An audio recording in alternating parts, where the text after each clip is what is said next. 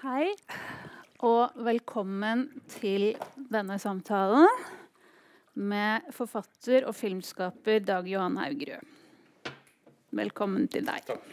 Og til alle som er kommet.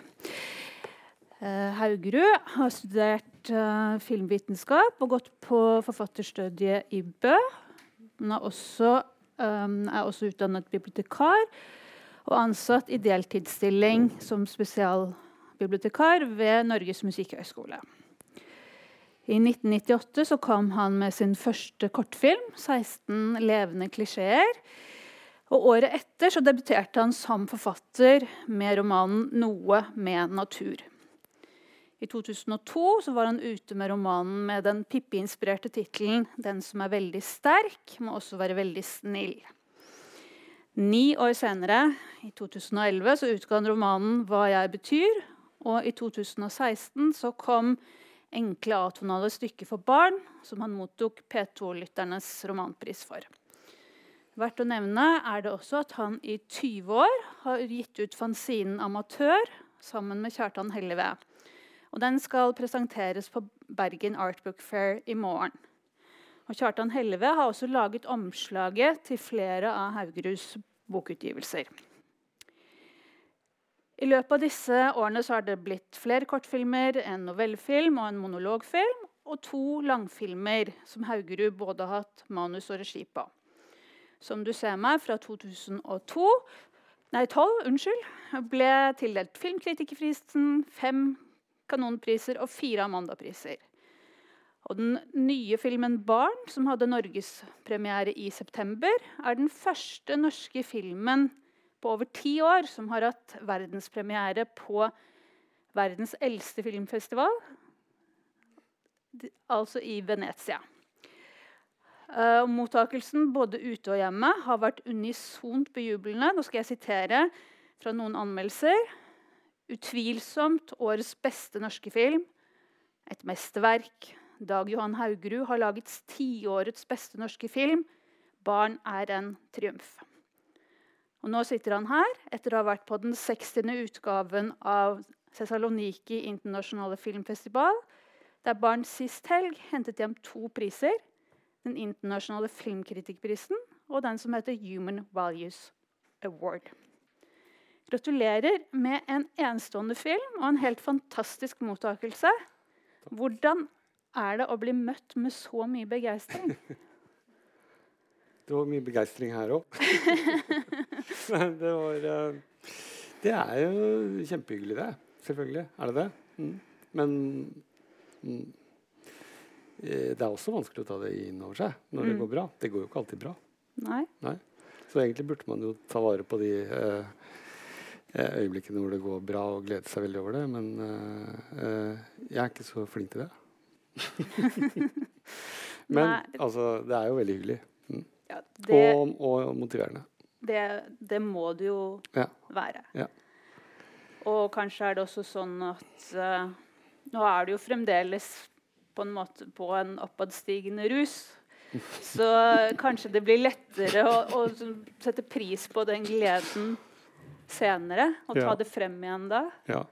Jeg håper jeg klarer det. Mm. Ja, det håper jeg òg.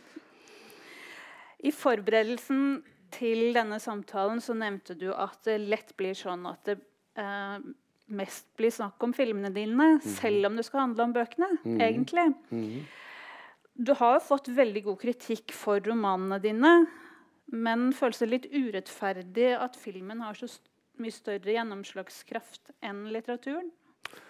Uh, nei, det er nok ikke urettferdig, og jeg er jo glad for det òg, å kunne få snakke om filmene. Det er jo kjempefint, det. Men det handler sikkert mest om at jeg i utgangspunktet tenkte at det jeg først og fremst ville gjøre, var å skrive bøker og, og være forfatter. Og det tenker jeg fremdeles. Jeg ser jo på meg sjøl som et skrivende menneske, først og fremst. Og kanskje en skrivende filmregissør, da. Mm. Uh, uh, og så har nok kanskje vært litt sånn at de um, At jeg har litt, litt sånn flaks med de filmene. At det har kommet lettere til meg å gjøre det. Nei, men, men, men nei, fordi at jeg kanskje ikke tenkte at jeg ville jobbe med film og jobbe med regi. Eh, men jeg kom litt sånn inn i det bakveien, egentlig. Ble invitert til å lage filmer og, og sånn. Eh, mens eh, det å skrive bøker, det føler jeg at jeg jobba mye hardere for å få til. Mm. Eh, så det handler kanskje litt om det også. At, at da eh, er det, føles det litt sånn viktigere for meg på en eller annen måte. Mm. Så hvis du hadde måttet velge, Mm. så hadde du valgt romanene eller litteratur, skjønnlitteratur? Mm, Det hadde jeg helt sikkert sagt ja til lenge. Kanskje helt til Nei, fordi at du må jo, må, må tenke i det siste har jeg tenkt litt på hvorfor jeg syns også liker å lage film. For jeg har alltid tenkt at det jeg liker best, er å skrive det. Mm. Eh, men jeg syns også spesielt det å jobbe med skuespillere er utrolig fint og, og veldig givende og liksom utviklende for meg også som person. Ikke bare som liksom, eh, regissør. Eller, ja. eh, så det å gi avkall på det og aldri kunne gjøre det, det hadde jeg kanskje syntes vært trist. Men jeg tror, tenker nok at det viktigste er å skrive. Ja. Det virker jo også som de skuespillerne du har jobbet med, har satt stor pris på det. Og det er jo mange som går igjen. ja. Det er det. Så Mm. får du lett ja. Eh, ja, jeg får lett ja, men det tror jeg alle får, egentlig. fordi det er ikke så mye jobber for skuespillere eh, som man tror. Man, det er ofte sånn at man skriver om det i avisen at uh, hun eller han har med seg noen stjernelaga skuespillere. Men det er skal mye til for en skuespiller å si nei til en film, filmrolle. Mm. Så det er ikke egentlig så vanskelig. Nå skal denne samtalen så skal, den skal forsøksvis da primært handle om forfatterskapet ditt. Men det inkluderer jo filmmanusene til 'Som du ser meg' og 'Barn', som, som da er utgitt i bokform. Så er det vel også sånn at bøkene og filmene dine henger nokså sett sammen. Mm. Jeg lurer på om du kunne si noe om utviklingen i forfatterskapet ditt. For du utga jo to romaner relativt tett i, 2000, i 1999 og 2002. Og så gikk det nesten ti år før neste roman kom. Hva var det som skjedde i disse årene? Eh, I de årene så begynte jeg jo å utvikle filmmanus og prøve å jobbe for å få til det. Og jeg laget jo også en timeslang film i 2005 som het 'Thomas Hylland Eriksen og historien om origamienta'. Uh, så, og det var det mye jobb med både liksom i forkant og, og rundt det. Uh, og så begynte jeg å skrive også manus på 'Som du ser meg' i den perioden. Mm. Uh, Så jeg jobba egentlig med det, og fordi det er såpass eh, vanskelig å få til å finansiere en film, og fordi det er så mange runder med det, og sånn, så, så tok det opp ganske mye tid. Uh, jeg har hele tiden tenkt at det, at det kunne være en helt sånn perfekt uh, vekselbruk. jeg. At du kunne liksom skrive en bok, og så kunne du lage en film, og så kunne du skrive en bok og lage en film. Og at du kunne skrive et manus, og så kan man liksom jobbe for å få det laget. Eh, og så kan man skrive en bok i mellomtiden. Uh, nå høres det ut som kjempeenkelt, begge deler. Det er det jo ikke. Men, uh, men nei, det er nettopp det. Det er jo ikke det. Så, og når du skriver et filmmanus, så er det jo mye oppfølging hele veien. på en måte, Så det er ikke bare sånn at du kan gjøre det og gi det over til noen andre. Og så liksom går den prosessen av seg sjøl. Så det var nok mye det. Men så var det også at jeg ikke visste helt hvor, hvilken retning forfatterskapet skulle ta etter den som er veldig sterk, må også være veldig snill. Jeg tenkte jo ikke heller på det som et forfatterskap da. liksom. Sånn, eh, at jeg hadde en sånn, et mål om eh, ja, en retning eller noen ting, egentlig. Men jeg tenker nok kanskje at debutboka mi Jeg tenker kanskje at den andre boka mi var mer en form for en debutbok. Det er vanskelig for meg også det er, Andre vil kanskje påstå det motsatte, men den, første, men den andre boka er jo på en eller annen måte en slags oppvekstroman. Eh, og var nok et sånt stoff som jeg hadde tenkt ganske mye på før jeg skrev det. Mens den første boka mi eh, var nok på en eller annen måte nesten mer sånn interessant for meg å skrive. Eh, så da I og med at det føltes litt som jeg begynte i feil ende, på en måte, så stagnerte jeg litt òg. Mhm. Um, Kan du fortelle litt om det som da i realiteten er debuten? Noe med Noe med natur, ja. natur? Eh, ja, for da jeg, eh, gikk jo på forfatterstudiet i 89, Og så var jo det veldig lærerikt, eller bra, og veldig fin tid og sånn. Men eh, det gjorde også at jeg syntes det ble van veldig vanskelig å skrive etterpå. Så jeg brukte ganske mye tid på liksom, å eh, løsrive meg fra noen sånne låsninger jeg følte oppsto der. Eh, og jeg prøvde jo å skrive veldig mye, og så fikk jeg det jo ikke til. Jeg prøvde også å skrive et novellefilmmanus som jeg sendte inn og fikk eh, refusert. Og sånn. Og så begynte jeg på Bibliotekhøgskolen og tenkte at ok, jeg får legge et til side, jeg må gjøre noe annet. liksom. Og da, første året jeg gikk på Bibliotekhøgskolen, da skrev jeg noe med natur.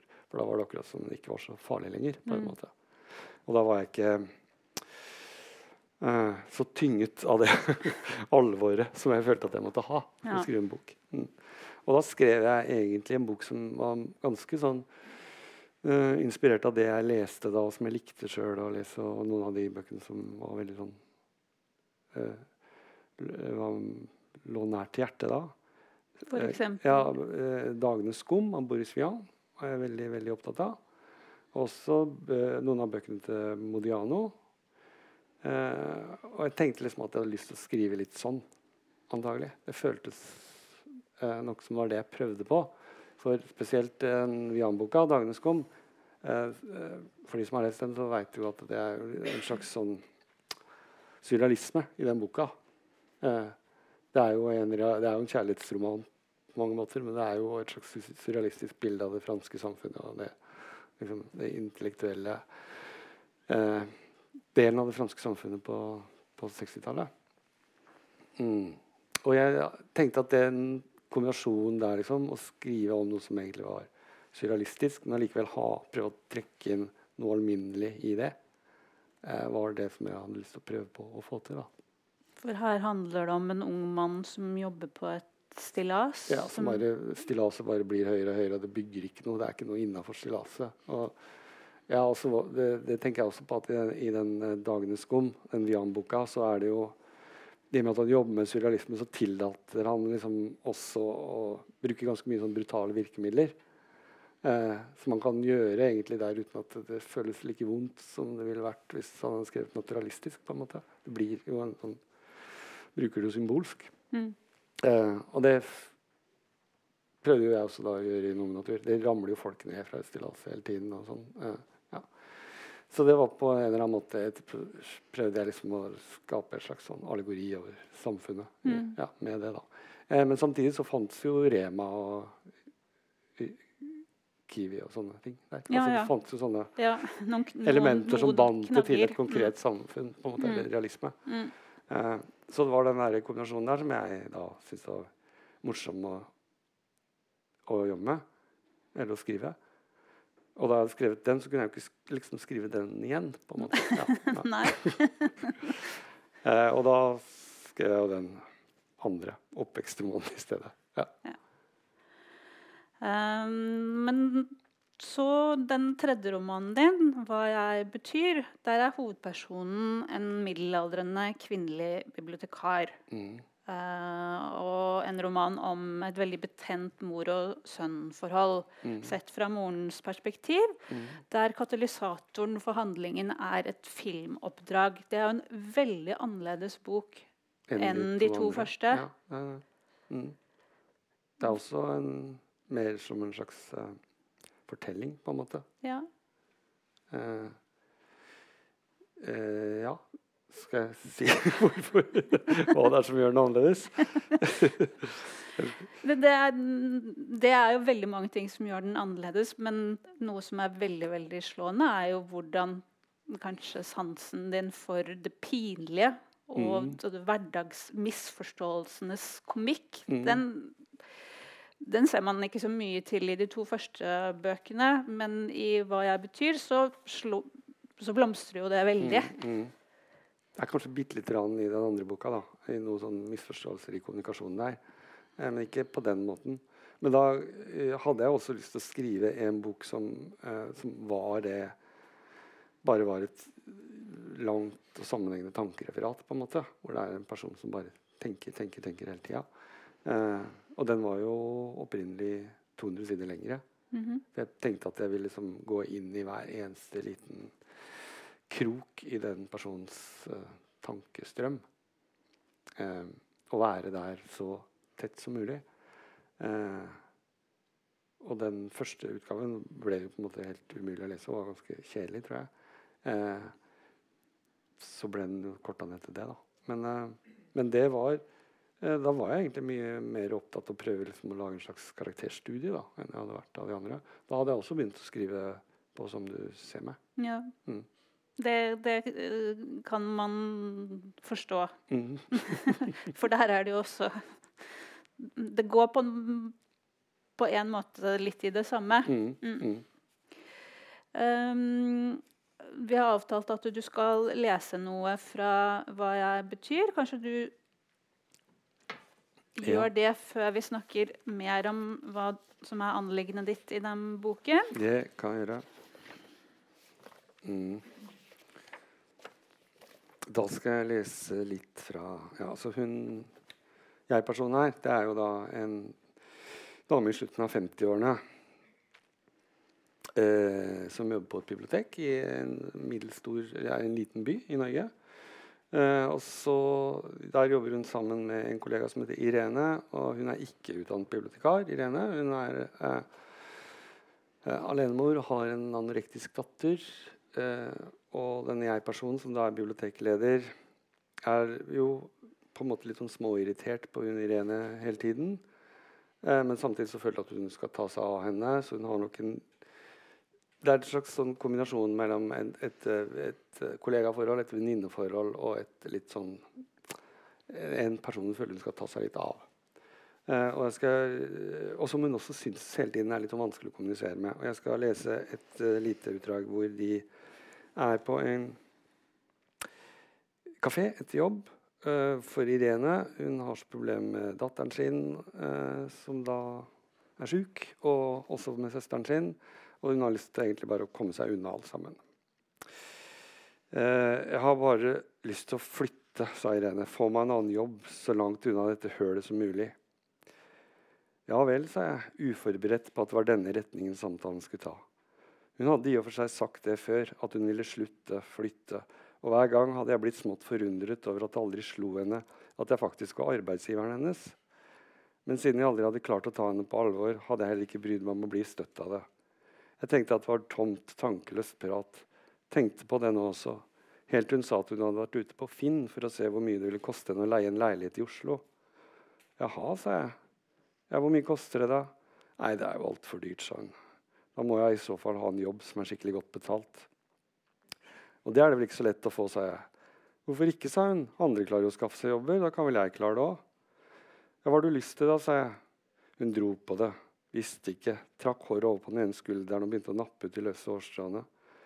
Kanskje noe innen markedsføring. Hun hadde tenkt på det, at det kanskje ville passe for henne. Markedsføring? Det føltes som det gikk helt rundt for meg. Og hun må ha sett forvirringen min, for hun spurte om jeg ikke var enig at det kunne være noe for henne. Jo, sa jeg. Sikkert. Jeg har bare aldri hørt deg snakke om det før. Ja, Må man snakke så mye om det, da? sa hun. Nei da, sa jeg, men man snakker jo ofte om det man opp, som opptar en.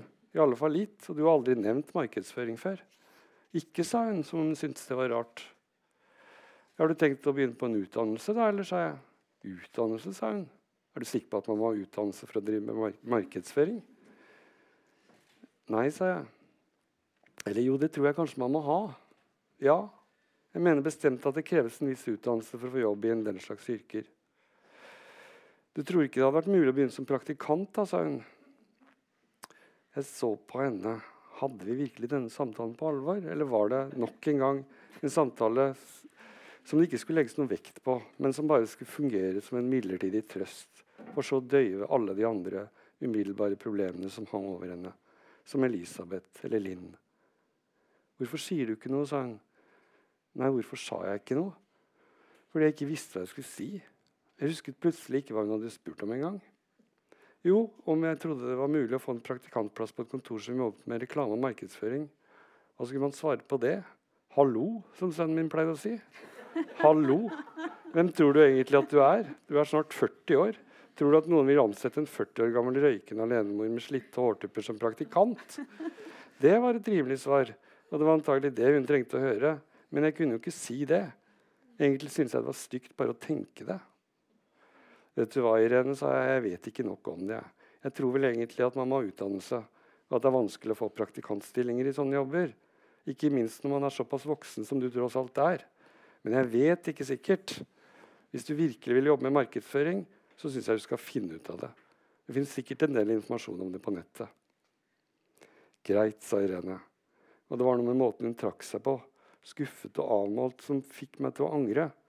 For jeg skjønte plutselig at dette var jo en slags betroelse som jeg hadde misforstått og hevet meg over. Hun hadde snakket til meg som en venninne, og jeg hadde reagert som en studieveileder. Vært fornuftig nedlatende når jeg heller skulle vært nær. Jeg fikk nesten lyst til å be henne glemme alt jeg hadde sagt, sette en strek over det og begynne samtalen på nytt. Men jeg sa ikke det. Jeg spurte i stedet om hun var sur. Ble du irritert nå, sa jeg. Nei, hvordan kan man bli irritert over det, sa hun. Det stemmer jo alt det du sier. Alt du sier, stemmer.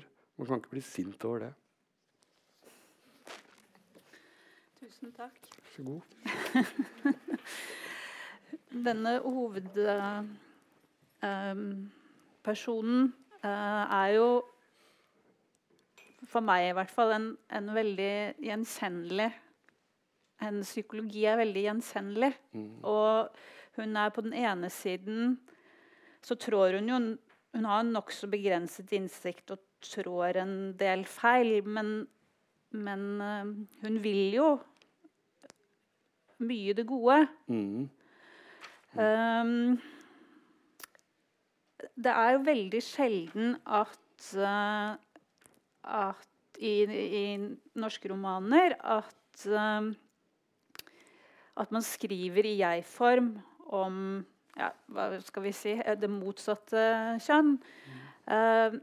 Men det gjorde da Du var vel 37 år da denne boken kom ut. Og du skriver da i jeg-form om en ca. 20 år eldre kvinne. Mm. Uh, og jeg leste den uh, nettopp på nytt igjen, og kanskje enda mer enn de forrige gangene jeg har uh, lest den, så ble jeg slått av hvilken innsikt du viser i denne personens psykologi.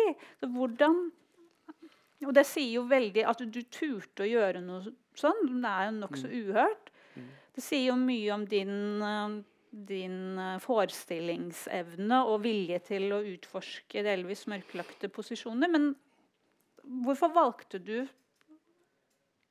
å ta det grepet? Og, og hvordan vet du så mye om middelaldrende kvinner?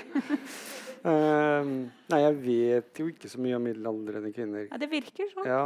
Nei, men jeg tror at det ikke er så stor forskjell. Jeg tror det er det det handler om, da, egentlig. Og så tror jeg at det er det å Det fins liksom ikke noen fasit på hvordan et menneske er og er skrudd sammen. Og det er ganske mye som det er lett å tenke seg til, og som man også kan dele, eh, som handler om eh, mindreverdighetskomplekser, f.eks. Uh, og sånn, ja. Alle mulige situasjoner hvor man føler seg liten i, er jo på en eller annen måte ganske likt. Det kanskje kommer litt annerledes ut språklig og tankemessig. Men jeg, jeg tenker jo at alle kompleks for kropp, f.eks., som det jo er mye av der, det har jo også er jo lett for meg å kjenne meg igjen i det også. Liksom. Så det er ikke noe jeg tenker ikke at det er så stor forskjell egentlig da, som man kanskje vil ha det til. Og så tenker jeg også at hvis man sier at en person er sånn eller sånn, så vil man nesten alltid godta det. For det finnes, alle, alle fins, på en måte. ja. uh, og det tenker jeg også er noe av det som er styrken kanskje til litteraturen. Ikke bare prøve å skrive gjenkjenning hele tiden. Bare prøve å liksom gjøre research og finne ut hvordan det er. Men å, å si at OK, så er hun, hun er også sånn. Dette er også mulig. Denne personen kan også finnes. Mm. på en måte. Eh, og det tenker jeg er noe av det som er, kan iblant være superfint med litteratur. at du får liksom ekspandert universet ditt. da. Mm. Mm. Så det er jo fordi hvis du bare skal jeg, jeg vil jo ikke bare skape en klisjé heller. Jeg vil jo skape et, et helt komplekst menneske. på en måte. Ja, fordi du, du tar jo på en måte utgangspunkt i det man kan oppfatte som klisjé, en klisjé. da. Mm, mm. Den, en, en sånn grå bibliotekar. Mm. Men så skriver du deg gjennom klisjeene ja. og, og, skaper noe, noe menneskelig. Ja. Jeg tenker at det, det er mange som jobber på små biblioteker. Uh, litt interessant er det jo at Vigdis Hjorth året før Mm. kom med en roman som heter 'Snakk til meg'. Mm. Og den handler også om en bibliotekar Mm. med et vanskelig forhold Mm. til sønnen sin. Mm. Mm. Det, det vis- visste ikke jeg da, Nei. da jeg skrev den. Nei. Nei. Nei. Nei, jeg, jeg trodde heller ikke det. Men den romanen, den handler jo eh, Ja, nå så dere omslaget sikkert i stem. Den ser da også sånn ut. Den, dette omslaget er det din partner Kjartan Helleve som har uh, laget. Men den, um, I den romanen så um, så har uh, bibliotekarmoren en sønn som vil lage film. Mm. Og så får um, Via moren så får han et oppdrag om å filme et bryllup. Og så I siste øyeblikk så trekker han seg, og så må moren, som aldri holdt i et videokamera før, filme dette bryllupet. Og hun har masse masse kvaler, men så, når hun begynner å, liksom, å teste dette kameraet, så er det noe som, som skjer. At hun oppdager at uh, hun har et blikk. Og det er jo denne, denne filmingen som gjør at forholdet mellom mor og sønn blir veldig, veldig vanskelig. Mm. Um, sånn som jeg leser den, så er um, Hva jeg betyr også en, en roman om um, hvem som har lov til å lage kunst. Ja, det er det. Kunne du si noe om, om det? Uh, ja Uh, Det kunne jeg, for det er jo Hun oppdager jo at hun på en eller annen måte har et eller annet blikk, eller i hvert fall får en kjempestor glede av det Mm. eh, hun, hun gjør, og det hun ser. Eh, hun har jo ikke noe utdannelse. Hun har jo ikke noe liksom eh, noen papirer på det. Hun er jo ikke noen kunstner, på en måte. Men allikevel er det hun opplever, det samme som man liksom potensielt kan oppleve når man holder på med kunst. da. Eh, eh, og hun vil jo utforske det og komme videre med det. og sånn. Det fins jo ikke noen liksom, kanaler for henne å gjøre det i. Hun må jo da egentlig bare gjøre det liksom, for seg selv. Uh, og så ser hun jo også Hun får jo ganske fort stor selvtillit på sin egen kunst. på en eller annen måte. Hun ser jo det at sønnen er kjempedårlig. At han, det han gjør, syns ikke hun er noe bra. liksom. Uh, og hun vil jo egentlig at de skal på en eller annen måte samarbeide. da. Eh, men det er jo ikke sånn det er, egentlig. Eh, det er jo også sånn at alle har jo ikke egentlig rett til å, å lage kunst. Altså, du kan, hadde hun gått på Kunstakademiet, så, så kunne hun gjort hva hun ville. på en måte. Men som ufaglært og som bibliotekar og sånn, så har hun ikke rett til det i det hele tatt. egentlig. Eh, så da vil hun aldri liksom egentlig bli sett som det heller. Eh, så kan du si at den kunsten du lager sjøl, bare for seg sjøl, kan jo på en eller annen måte være nok. Eh, og at det å kommunisere det kanskje ikke er nødvendig for at hun skal ha den gleden av det. Men hun opplever vel den urettferdigheten eh, såpass sterkt at hun eh, Og hun føler jo også at alt blir tatt fra henne etter hvert. Den filmen hun har laget, som jo liksom blir veldig fin, en sånn slags liten perle av en film, eh, den tar jo sønnen liksom kred for. Eh, og så mister hun jo videokameraet til slutt. på en måte, Så hun mister jo liksom Mm, alt. hun mister alt. Mm. Og, Og sønnen. og sønn. Ja. Ja. Mm. Så Sånn måtte det jo ikke vært. Men det er det det har veldig store omkostninger. Ja, det Mm. har det. Eh, men så vinner hun kanskje noe annet. Altså, det, jo, det snur jo litt på slutten av den boka. Med at hun får jo en forståelse fra den eh, damen som har liksom vært hennes nemesis gjennom hele. På en Ja. måte. Mm. Mm, ja. Mm. ja. Veldig lite håp der, men det er liksom, ja. ja. Mm. Uh, i, I denne boken så er det jo uh, sønnen som klipper. Mm. Eh, og jo da bidrar til at det, Nå fins det to versjoner av denne bryllupsvideoen. En for, eh, for, for de som har bestilt den, som er litt den populærutgaven. Og så en type kunstnerisk versjon som sønnen gir eh, moren i julegave. Mm. Um, det um, Det får meg til å tenke på at uh, du Når du skriver romaner, um, så må jo det være ganske annerledes enn å skrive filmmanus. Og nå spurte jeg deg i sted om du klipper dine egne langfilmer, og det gjør du ikke. Nei. Så hvordan, hvordan er det? Nei, For du, du har jo ikke kontroll på samme måte kanskje da. Ja. Hvis jeg sitter jo ved siden av Ja, hvis du sitter ved Ja, ja. siden av. Så det er, det er kun snakk om, om teknikk, da. Nei, det er ikke det. For det er jo, handler jo om et slags samarbeid. Og det er jo noe som er interessant ved det. Altså Det er derfor det også er morsomt å lage film og ikke bare skrive. For når du skriver, så jobber du bare med deg sjøl og teksten. liksom. Mens når du lager film, så jobber du jo med veldig mange andre. Og du, det er jo også en tilfredsstillelse å få innspill. At noen tar ditt materiale og tolker det på en eller annen måte. Eh, og gjør det til noe. Det gjelder både skuespillere og fotograf og ja, alle de andre, og, og klipperen selvfølgelig. Og det er mange som sier at det er liksom klipperen først og fremst som lager filmen.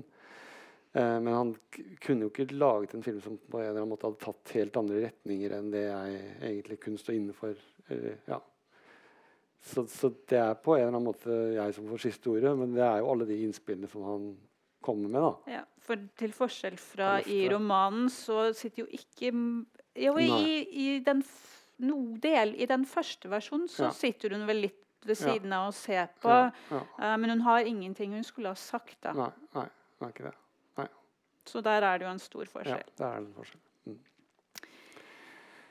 Um, I da, uh, den siste filmen din, 'Barn', så sier uh, den ene hovedpersonen Liv um, at det du hører, det er ikke det jeg sier. Og den replikken den kan vel stå som overskrift for mye av det som opptar deg, Mm. som vi har snakket om. Mm. Interessen for uh, mellommenneskelige relasjoner og alle disse misforståelsene som oppstår mellom folk. Mm. Og så- som vi også har, så vidt har vært innom, så gjennom skildringen av disse misforståelsene så oppstår det også veldig mye befriende komikk. Men i tillegg til den empatiske innlev...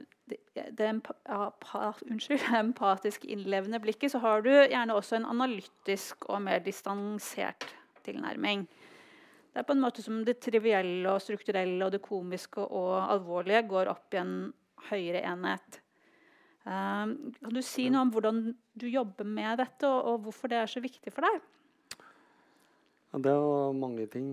Ja. Og- Eh, Hvis vi skal snakke om komikk, da, så Mm. er det jo ikke egentlig sånn at jeg jobber så altså Det er nok mye komikk i det, men det er vel heller det at jeg har bestemt meg for å åpne opp for det.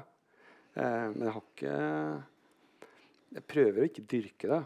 Jeg er ikke noe glad i Eller når folk sier at ja, De sier vel ikke at bøkene mine er satirer, men de kan si det om filmene. Noen som sier at er, s- eh, filmene er satire. Uh, og jeg skjønner at man kan lese det sånn, men det er virkelig ikke det jeg har prøvd å oppnå. da. Det er kanskje egentlig det motsatte. Heller åpne opp for å vise det komiske som kan skje i det hverdagslige uh, og i, i møter, i dialog. Og la det få være der. Men virkelig ikke liksom Og det gjelder jo også virkelig klipping og at man ikke sånn, dyrker det fram. da. Mm.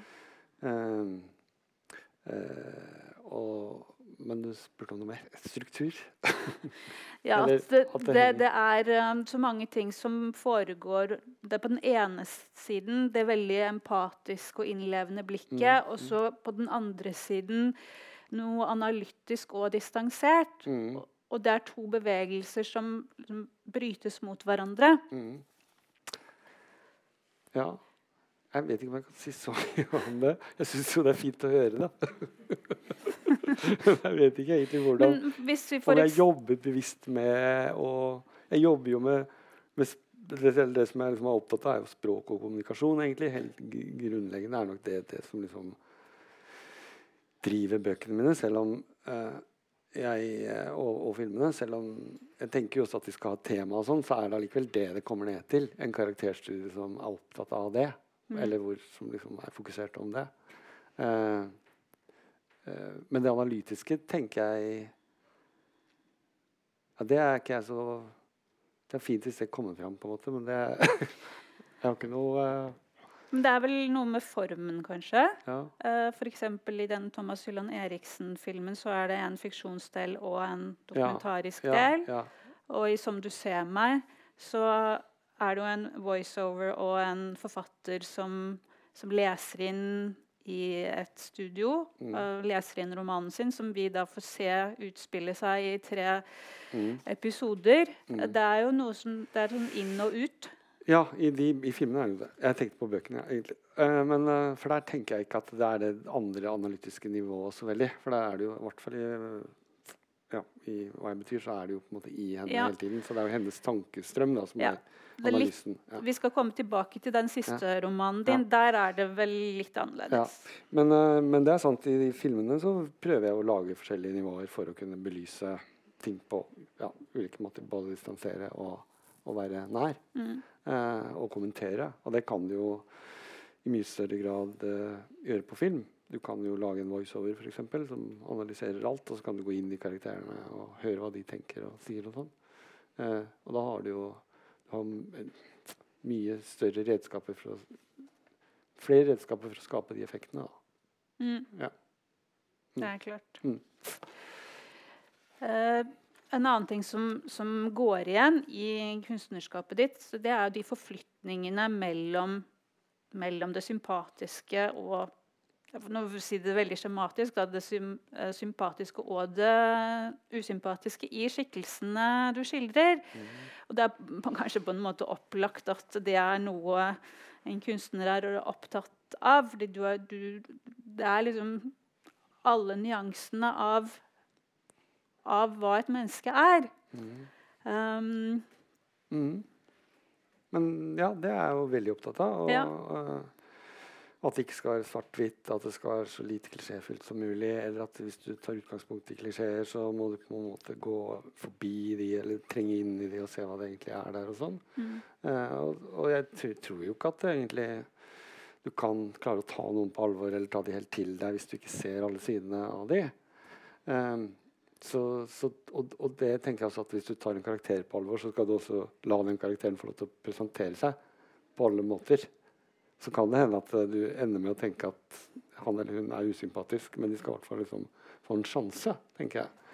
Um, uh, og det er kjempeviktig hele tiden, det, men det er veldig lett å mislykkes i. På en eller annen måte.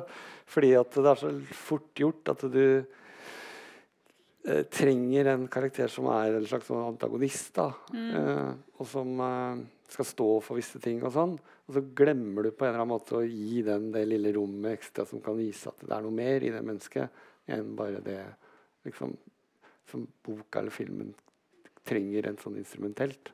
Mm.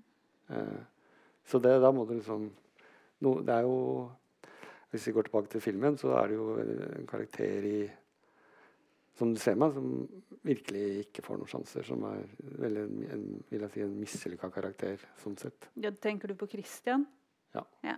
Det, er da, det er to menn i den uh, filmen. Det Mm. er han som jobber i lydstudio der uh, denne boken blir lest inn, og så er det da denne Christian i den siste delen. Og nei, han, nei, Mm. han, han er det vanskelig å tenke så mye godt om. ja, han blir bare en klisjé, på en måte klisjé på en, en, eh, en, en hvit overklassemann som utøver makt. Men mener du at du er misfornøyd med Nei, Christian? hadde Eller hva trengte du, Christian? Den trengte jo helt klart Christian Ja. for, for at han skulle si det han sier. Og Jo, jo. være som han er.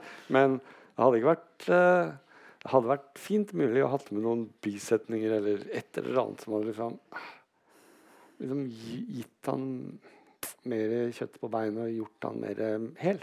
Ja. For nå blir han på en eller annen måte bare en pappfigur. Han, han blir jo også det i bildet. på en eller annen måte. Mm. Ja. Mm. Nei, jeg, jeg så den filmen nylig på nytt igjen, og det, er liksom, det går liksom noen søkk gjennom en Mm. når eh, han eh, dukker opp. Mm. Men det er jo som også er eh, Må jeg si, når jeg, når jeg har sagt det, så er det jo Når du lager sånne komplekse karakterer, eller prøver det, da, så er det ofte vanskelig kan det iblant være vanskelig for publikum å ta det. For man vet ikke helt hva man skal tenke. Man må liksom på en eller annen måte bestemme seg for det sjøl. Eh, og når jeg har snakka med som du ser meg, om folk, så er det veldig mange som syns at liksom, akkurat den scenen, det der, er liksom høydepunktet. Oh, ja. Fordi da får de en eller annen sånn Ja. ah, Da kommer det en utrolig irriterende Ja. mann og, og gjør noe, liksom. Og da får du et eller annet sånn slags ja. Du blir fortalt hva du skal føle, og så Mm. føler du det, og så er det liksom, føles det bra. på en måte. Mm. Nei, for det er jo sant det f.eks. i hva jeg betyr, at eh, jeg som leser blir, er jo i en sånn pendling mellom hva jeg mener om, om Mm. hovedpersonen. Mm. Uh, men for meg er det interessant, da. Ja, Og jeg, ikke Mm. Ja. Men det er jo, jeg, jeg bare tenkte, for ikke så lenge siden så leste jeg uh, den siste boka til Trude Marstein. For hun gjør jo virkelig det hele tida. På en måte At det er veldig vanskelig å åh, like henne. Eller, Ja, ja. At jeg, ja. Ja, og det er jo mange jeg snakka med som har lest den siste ja, og de forrige i og for seg, som blir helt sånn ah, nei, den, jeg vet ikke liksom, jeg vet ikke hva jeg skal mene. Eller at de opplever det problematisk. Eh, fordi de kanskje bare vil ha en eller annen bekreftelse på fordommer hele tida. Eller det er jo ikke det de uttalt vil, men det, er, det gjør det lett. Ja. Nå begynner tiden å gå litt fort her. Um, så vi må um, eh, få snakket litt om den siste romanen din. eh, 'Enkle atonale stykker for barn'. Mm. Uh, I den filmen som du ser meg, så blir jo tittelen på den romanen som kom fire år senere, den blir varslet. Fordi at eh, den hyperkultiverte oversetteren Grete Megré hun går til den nye redaktøren sin, og hun vil da oversette en tysk roman som heter 'Einfache atonale Stykke for Kinder'. Mm. Eh, nå går det veldig dårlig med Grete Megré. mm. når hun endelig får lov til Hun blir først satt til å oversatt, oversette andre bøker av den samme forfatteren. Bøker som hun syns er søppel, men som hun lar seg overtale til å oversette. Og når hun endelig kommer til den boken hun vil oversette, så går uh, alt i stå for henne. Og hun slutter som oversetter. Eh, det er eh, forferdelig. Mm. Men hvordan har det seg at denne tittelen dukker opp i den filmen? Uh, Og at du tar den opp, da opp igjen? det er kjempeenkelt. Eh, det er sånn at jeg har veldig vanskelig for å finne titler på ting. Eh, spesielt på ja, både bøker og filmer. om alltid ha hjelp til det. Eh, men da jeg skrev manuset som du ser med meg, så kunne jeg jo dikte opp titler helt fritt uten at det var en bok der. på en eller annen måte. Og da eh, eh, Og da fant jeg noen veldig fine titler, syns jeg. og da tenkte jeg at noen av de er så fine at jeg har lyst til å bruke de. Eh, og da klarte jeg liksom å gjøre det sånn at det ble tittelen på boka. Da. Så det er vel den første boka på, som jeg egentlig har hatt tittel til sjøl. For de andre bøkene er det noen andre som har funnet. Um, Men det er jo også sånn at jeg jobber litt parallelt med det, så noe av det siprer jo gjennom. Ja. Ja. ja, fordi det er andre Nokså mange andre eksempler på ting som går igjen fra Mm. film til bok og, og omvendt. Eh, denne boken her, som du da fikk P2-lytternes eh, romanpris for, den er eh, formmessig an, veldig annerledes fra hva jeg betyr, men det er en, midt, en stor midtdel som vel er mer det, den er, i tredjeperson, men den er litt mer lik hva jeg betyr. Men eh, kan du fortelle er, Det er da tre deler, så det Mhm. ikke umiddelbart er så lett å se hvordan Det er noen motiv som går igjen. Mm. Moderne kunstmusikk. Mm. Um, men um, hva slags roman er dette, og hvordan henger den sammen som roman? Kanskje du skal fortelle litt om det før du leser litt Ja. fra den også? Ja. Det er en eh, som, roman som er veldig sånn konstruert eh, rundt den formen. At det er en struktur der som er på en måte viktig. Og det er at Den første delen der skjer alltid i løpet av ett døgn. Andre delen skjer alltid i løpet av et år. Eh, og den tredje delen der tenkte jeg liksom at alt egentlig skulle skje i et minutt. på en måte. Det gjør det ikke. Det er nok liksom ti minutter. Men det er sånn fortetta utgave mm. av det. Eh, og så var arbeidstittelen på den det var 'Kulturproduksjon i Europa'. Eh, som jo er en sånn tørr tittel. Eh, men det er jo det det egentlig handler om. Første delen der beveger du deg rundt i løpet av et døgn på mange små forskjellige steder i Europa og er innom forskjellige former for kunst- og kulturutøvelse. Um, mm -hmm. Og det var det som egentlig starta hele boka. At jeg var opptatt av all den type kunstproduksjon som skjer til enhver tid. Og som på en måte har blitt en mye større viktig liksom, vare i informasjonssamfunnet. Uh, og hvor det er folk som driver med det hele tiden. Både skriver og, og lager filmer og musikk og alt. Altså, det er liksom et, en enormt stort, stor produksjon. Også veldig mye idéutvikling og workshopping og seminarer og litteraturhus hvor det snakkes altså det, veldig, det blir liksom bare mer og mer av det. Um, og så jo, liksom, kjenner jeg jo folk rundt omkring i Europa som også driver med sånne ting. Og så merker jeg jo at det er liksom det samme overalt. på en måte. Sitter folk overalt og holder på med ting. Uh, og iblant uh, Eller jeg kunne liksom bli helt sånn overveldet av den mengden av kunstproduksjon som skjer. på en måte. Uh, så det var det liksom, som var hele den Den første delen slutter jo liksom med at hele samfunnet imploderer. At alt bare forsvinner. Eh, og at det eneste som blir igjen, er liksom et eksemplar av 'Thinking Fast and Slow' og noen sånne ja, som bare blir hengende igjen. Eh, og der slutta liksom første delen. Og så tenkte jeg at vi skulle gå tilbake igjen til Da er ikke verden implodert mer. Da fins den.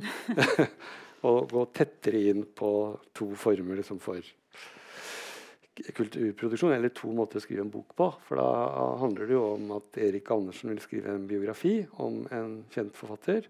Og oppsøker enken hans for å få liksom tilgang til det forfatterskapet. Og så forteller han om det til venninnen sin, Sofie.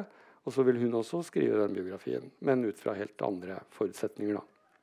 Og da jeg, tenkte jeg vel at det også var liksom interessant å se på hva som, eh, hva som motiverer det å skrive. Eh, og for Sofie så er det jo det at hun tenker at uh, alt er liksom en, alt er liksom up for grabs. Alt er en historie, på en måte. Bare du klarer liksom å presse ned i en eller annen bokformat, så blir det, så det Og hvis det er mulig liksom, å presentere det så sexy og interessant og morsomt som mulig, Eh, så, så, er alt en bok, på en eller annen måte. da. og så tenker hun vel også det at ja, det der med at liksom alle har en historie. tenker jeg er på en måte en utrolig sånn forenkling av livet. For det fins jo så mye i livet som ikke, kan, som ikke er en historie. på en måte. Det er jo så mye som ikke kan liksom, presses inn i den dramaturgiske rammen. Eh, og det er veldig mye i et liv som ikke kan brukes til noe. Og det, alltid en historie brukes jo hele tiden til noe. Det er jo mye som er stygt i et liv, som bare er stygt. Liksom, som ikke har noe kvaliteter annet enn at det bare er stygt eller vondt. Og sorg på samme måte er jo egentlig ikke liksom noe Det er jo også bare vondt. Eh, det er så mange av de tingene som på en måte gjør at eh, man, må, man, ikke kan si på en eller annen måte at livet er en historie, tenker jeg. Eh, eh, mens uh, Erik Andersen altså, han, han, er jo opptatt av å skrive om seg sjøl, egentlig. Og vil bruke denne andre forfatteren for å liksom, egentlig beskrive sitt eget liv. Eh, og der er jo den bokskrivingen en form for egenterapi mer. Liksom. Mm. Ja. Så det, det, var det. Og så er det den tredje uh, boka, eller tredje delen, som jeg tenker jo liksom er en sånn slags sånn oppsummering av alle de bøkene jeg har skrevet, egentlig. Fordi der har du elementer og alt. Men der er det jo da en, eh, en uh, dame som som oppdager at hun har komponert et stykke som på en eller annen måte bare er godt for henne sjøl. Som mm. gir henne egenverdi. Hvor ikke det skal liksom være noe annet. Mm. Og hvor du ser hvordan liksom, kunsten tross alt gjør livet hennes større. på en eller annen måte. Det er det. Det er det som er. Ja. Tusen takk. Skal du da lese litt? Ja, skal, ja, skal jeg lese? Er vi i ferd med å Ja, jeg kan rekke det. Mm. Da skal jeg lese et, bit av uh, midt i her. fra den midtre delen. En gang da Erik Andersen gikk på barneskolen og kom ut fra en foreldresamtale sammen med moren og faren sin, hørte han faren si om læreren at hun hadde kropp som en flaske. Han så på læreren sin dagen etter og kunne konstatere at faren hadde rett. Hun så litt ut som en flaske. Senere hørte han faren sin si om en nabo at hun hadde hoftene på knærne, noe også Erik syntes han kunne se. Men da han selv pekte på en mann som passerte bilen deres mens de satt på en parkeringsplass og ventet, og Erik sa at det så ut som mannen nesten ikke hadde rumpe, så faren bare rart på ham i speilet. Og da de en varm sommerdag hadde hatt besøk av den shortskledde onkelen til Erik, altså broren til faren, og Erik sa at det så ut som onkelen hadde lårene rett i skoa, ble faren irritert og sa at sånt skulle man ikke si. Men da hørte Erik feil, for han trodde faren sa at sånt skulle man ikke se. Og lenge etterpå slet han med å fortrenge det han så. Det var nesten umulig, for det man ser, det ser man jo. Og det endte med at Erik nesten ikke turte å feste blikket på noen av de menneskene han møtte. Men iblant kunne han se på faren, gjerne mens de satt på bussen eller på legekontoret, og han så at faren så en hel del, han også, men at det han så, nesten alltid var kvinner. Hvilket fikk Erik til å tenke at det var menn som ikke skulle ses, og at det antagelig fantes en måte å se på som var helt uanstrengt og uproblematisk. Faren så i hvert fall ikke ut til å ha noen vanskeligheter med det. Han så på det som skulle ses. Spørsmålet var hvordan han kunne unngå å se alt det andre i tillegg. Det la jeg ikke merke til, sa faren en gang de holdt på å kollidere fordi en bil hadde kommet opp på siden av dem og skulle svinge samme vei som dem. Hva hadde han da sett i stedet, om han ikke hadde lagt merke til det? Erik så bilen. Han så mannen i bilen og en eldre dame med hatt som satt i baksetet med lukkede øyne og gapte som om hun lo eller skrek, som om hun ble kvalt eller kanskje bare sov. Mannen bak rattet så helt rolig ut, helt til han innså at de var i ferd med å kollidere. Da fikk ansiktet hans plutselig et skrekkslagent uttrykk som Erik ikke hadde sett før. Uttrykket til noen som i et mikrosekund ser en svart rute som er døden, og som forsvinner like fort som den dukket opp.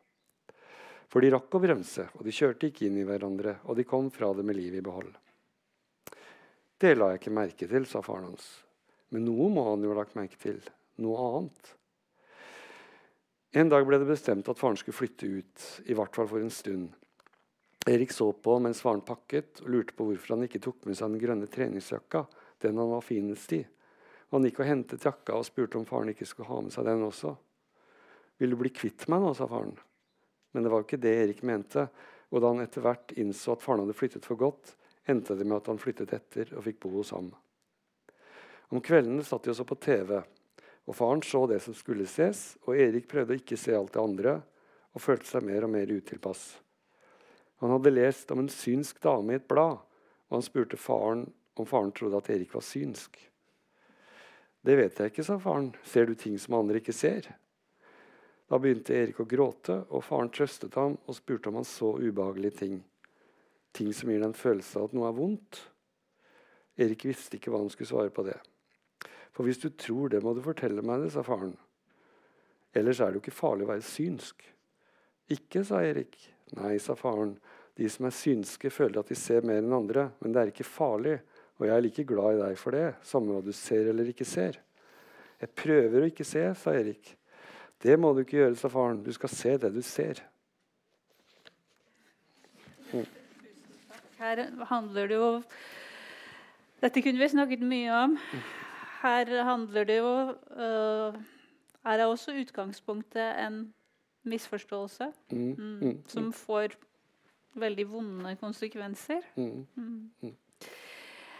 Var, skulle vi egentlig også snakke litt om barn? Uh, det tror jeg rett og slett ikke vi rekker. Men du var så sjenerøs at du sa uh, før vi gikk inn hit, at hvis det var noen i, i, salen som hadde noe å spørre deg om, så kan de få lov til det etterpå. ja, hva som helst.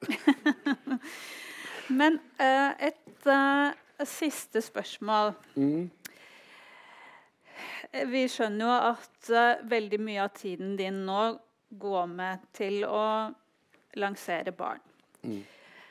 Men uh, vil du si noe om planer for fremtiden? Er det som romanforfatter eller filmskaper, eller eventuelt som noe helt annet vi kommer til å møte deg neste gang?